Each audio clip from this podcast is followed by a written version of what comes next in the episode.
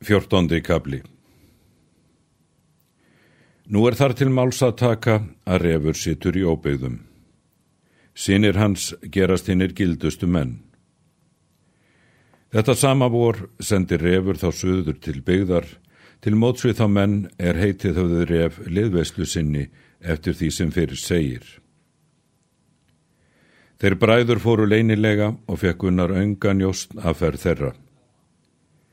Og þegar þeir vissu orðsendingar refs þá örðu þeir vel við og fara þegar til mótsvið hann. Refur fór þá til og let framsetja skipið það sem hann hafði haft af Íslandi. Hafði það haldið hrófi og bráði svo að það var þjætt sem bytta. Refur let á ferma skipið á grænlenskum varningi, svörð og tönn og skinnavöru. Og þegar skipið var búið, halda þeir því norður í þann fjörð er þar er næstur og lögðu þar skipinu í einn leini vóg.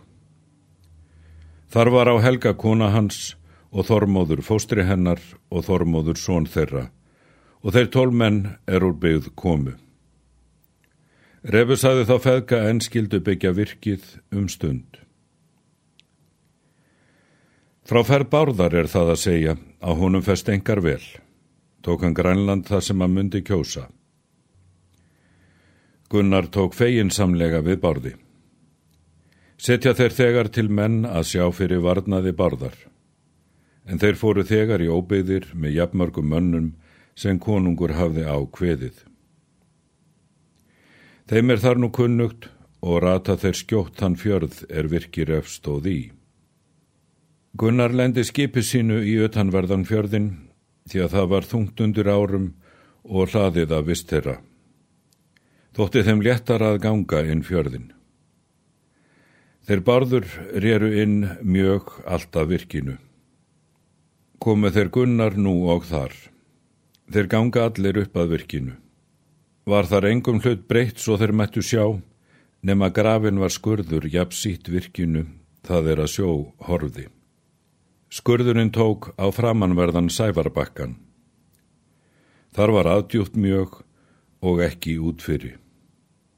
Þessi skurðu var ekki djúpar en tók manni í bróklinda. Í því kemur maður gangandi á virkið. Þannan mann kenna þeir. Var þar refur. Hann helsar þeim og spyr tíðinda. Barður hvest honum engi myndu segja, önnur en þú stendur þar feigum fótum á virkinu. Eru það, saði hann, lítil tíðindi. Bárður fer þegar til og lætur skurð grafa og þínast finna þeir það stokka og eru vafðir næfrum. Þeir högga nú upp stokkana og leipur þar úr vatn mikið. Þeir gunnar dragu nú við að virkinu og bera eld í. Leipur þar fyrst úr vatn mikið úr virkinu en brátt tók virkið að þorna. Refur gekk þá fram á virkið og spurði hver þessi ráð hefði til lagt með þeim. Barður hvað hann það öngu varða. Refur mælti. Ég veit og, segir hann, að engi yðar myndi þetta ráð fundið hafa nema þér nýttuð yður hygnari manna við. Barður svarar.